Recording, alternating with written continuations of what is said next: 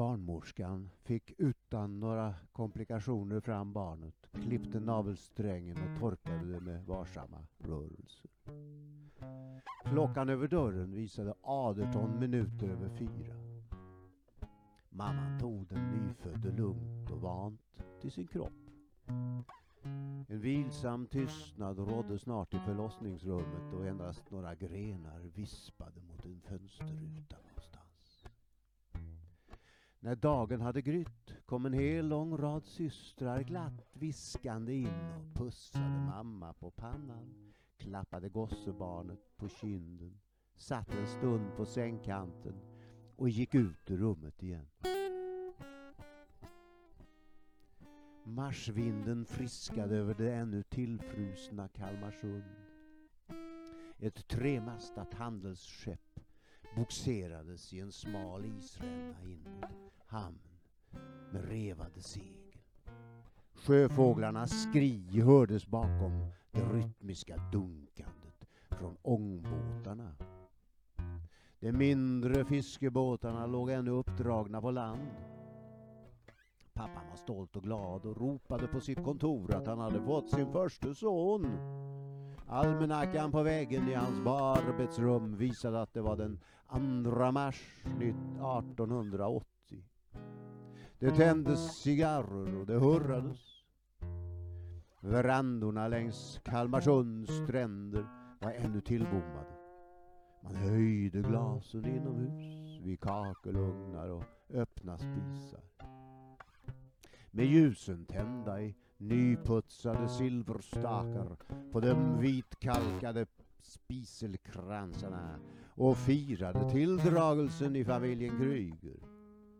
Pappa Ernst Kryger var en välkänd företagare i Kalmarsund och som blivande kejserlig rysk konsul och nederländsk vicekonsul hade han ett utgrenat kontaktnät inom industrin och sjöfarten i regionen. Krygersons födelse var en anledning till ännu lite mera fest och umgänge i Kalmarbornas vardagsliv och många var skålarna till arvtagarens ära. Farfar Per Edvard Kryger var på sin tid Kalmars främste skeppsredare. Farbror Oskar, som redan var dansk konsul, utbringade Mark Twain en skål. En skål mina herrar och damer för framtidens store män en hjärtlig skål för di barnet. Mamma Jenny Kryger, född Forsman, hade en energi som försatte berg och höll den växande syskonskaran i ren och hel i enlighet med en glad och optimistisk uppfostran. Jenny hade själv haft en orolig barndom. Det skulle inte hennes barn behöva ha rådde en jämn, behaglig temperatur inne i Kalmarsunds prydliga lugn. Inga olyckor drabbade den lille Ivar. Inga alls. Världen öppnade sig lika mjukt för honom som hans moders sköte. Ivar var hälsan själv och växte snabbt till i rörlighet och styrka följde snart sina vackra stora systrar på upptäcktsfärder i och omkring staden. Tyst och stilla smög han längst ut med höga utsprång mot Vasaborgen i vilken de större pojkarna lekte korsriddare utan att någon av systrarna ens la märke till det.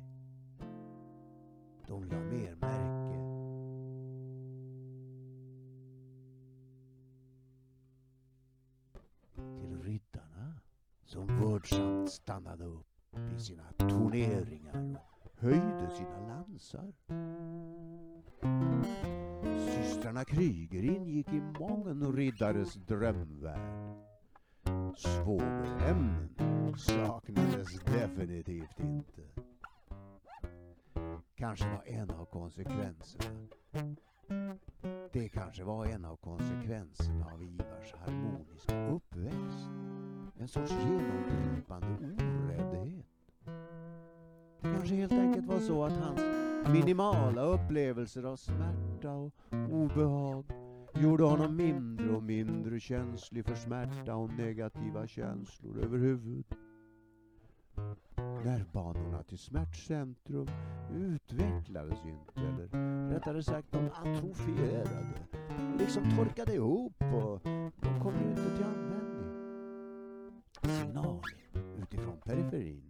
utifrån nervtrådarna av den mångfaldigt eh, obehagliga stimulanser som fanns i den mer eller mindre avlägsna omvärlden nådde liksom inte in till medvetandet.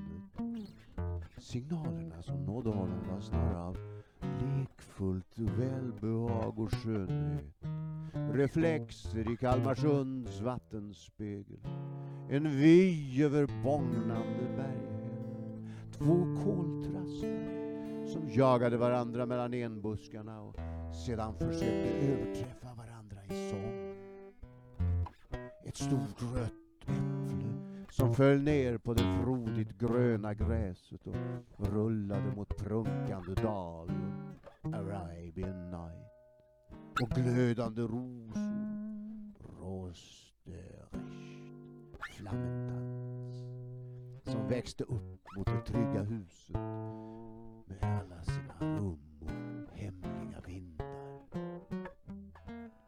Men eftersom han föddes med en kraftfull utdrivning om en aldrig så mjuk och harmonisk accelererades hans sinnen till känslighet ändå. Han blev långt ifrån en trög och okänslig person. Man lärde sig att känna livslust, svalt behagliga känslor på utflykt från Östra Sjögatan till Södra Rosshult och Stenbrohult i lek och iver längs Möckens långa stränder och längs stränderna där Östersjön brusade och vegetationen vred sig i den förhärskande pålandsvindens rikt Livslust, att med fröjd vakna till en ny dag. Längta efter systrarnas muntra uppsorger livliga marknader Malmfjärdens utfyllning.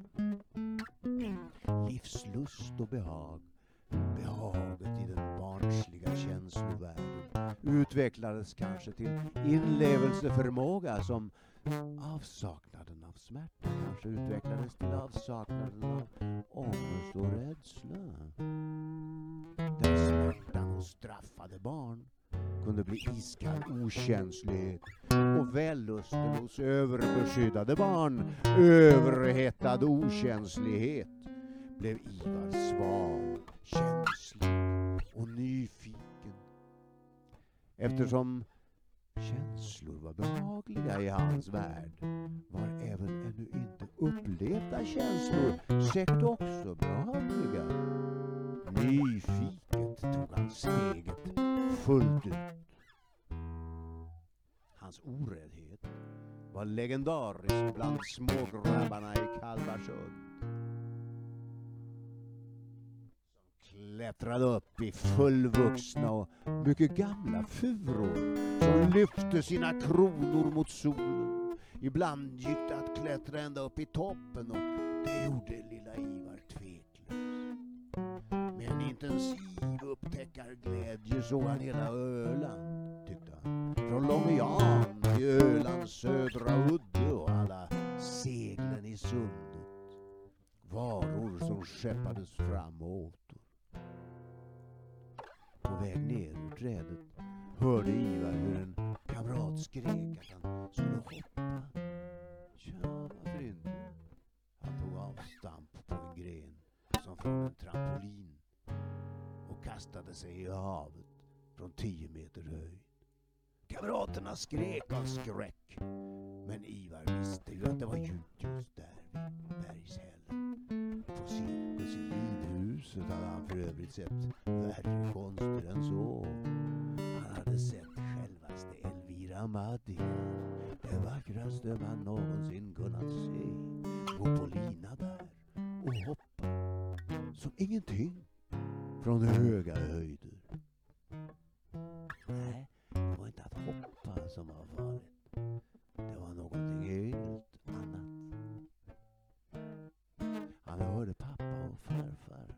åtskilliga gånger tala om handeln i Östersjön och vilka som genom historien förtjänat mest på den.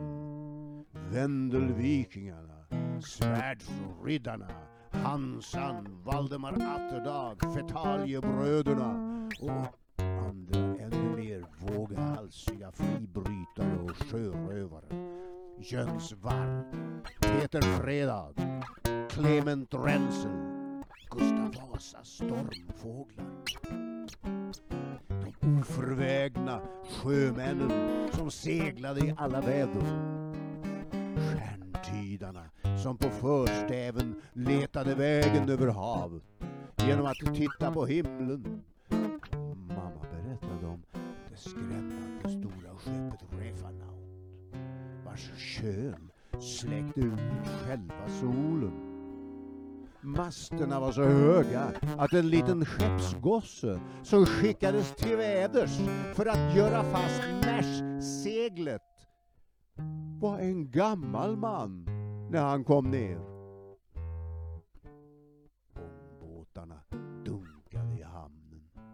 Skandia, Dana, drottning Sofia, konung Oskar, Gautjod, Bore, Kälvar och Visby.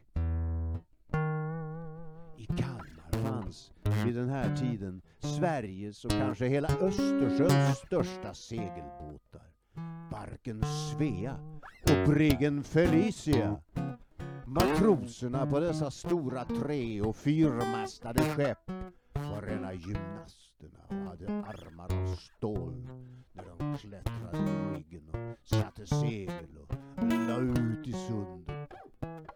kajen stod flickorna och vinkade adjö. Ibland kunde sjömännen vara borta ett helt år på fjärran seglatser. Ibland ännu längre. Ivar smög sig in till sin pappa och fick smaka en pastill. Han fick vara med när det samtalades om tonnage, segelyta och ångkraft och han lyssnade och levde ett spännande liv redan på tröskeln till sin barnkammare.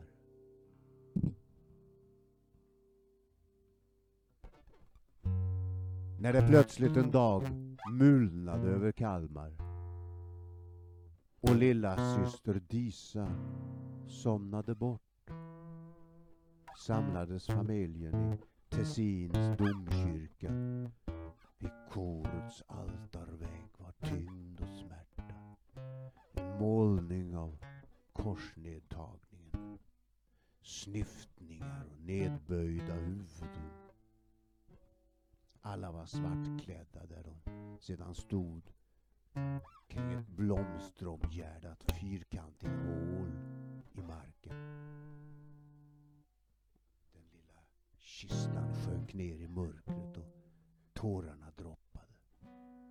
Ute till havs hördes mullret av åskan och en kall vind fick prästens rock att fladdra. Bullarna till kaffet efteråt var goda. Den söta saften och systrarnas klänningar var högtidliga och mamma såg sorgset stolt ut och visste att alla hade vad de behövde. Visste var alla höll hus och hur många som skulle dricka saft och hur många som skulle dricka starkt.